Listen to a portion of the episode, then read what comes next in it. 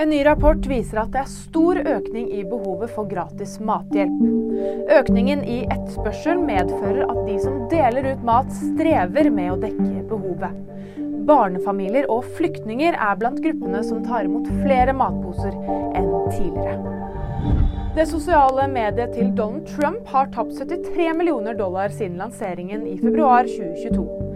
Truth Social ble etablert av Trump for å ta opp kampen med eks-tidligere Twitter, etter at ekspresidenten ble utestengt fra Twitter for å ha spredt desinformasjon.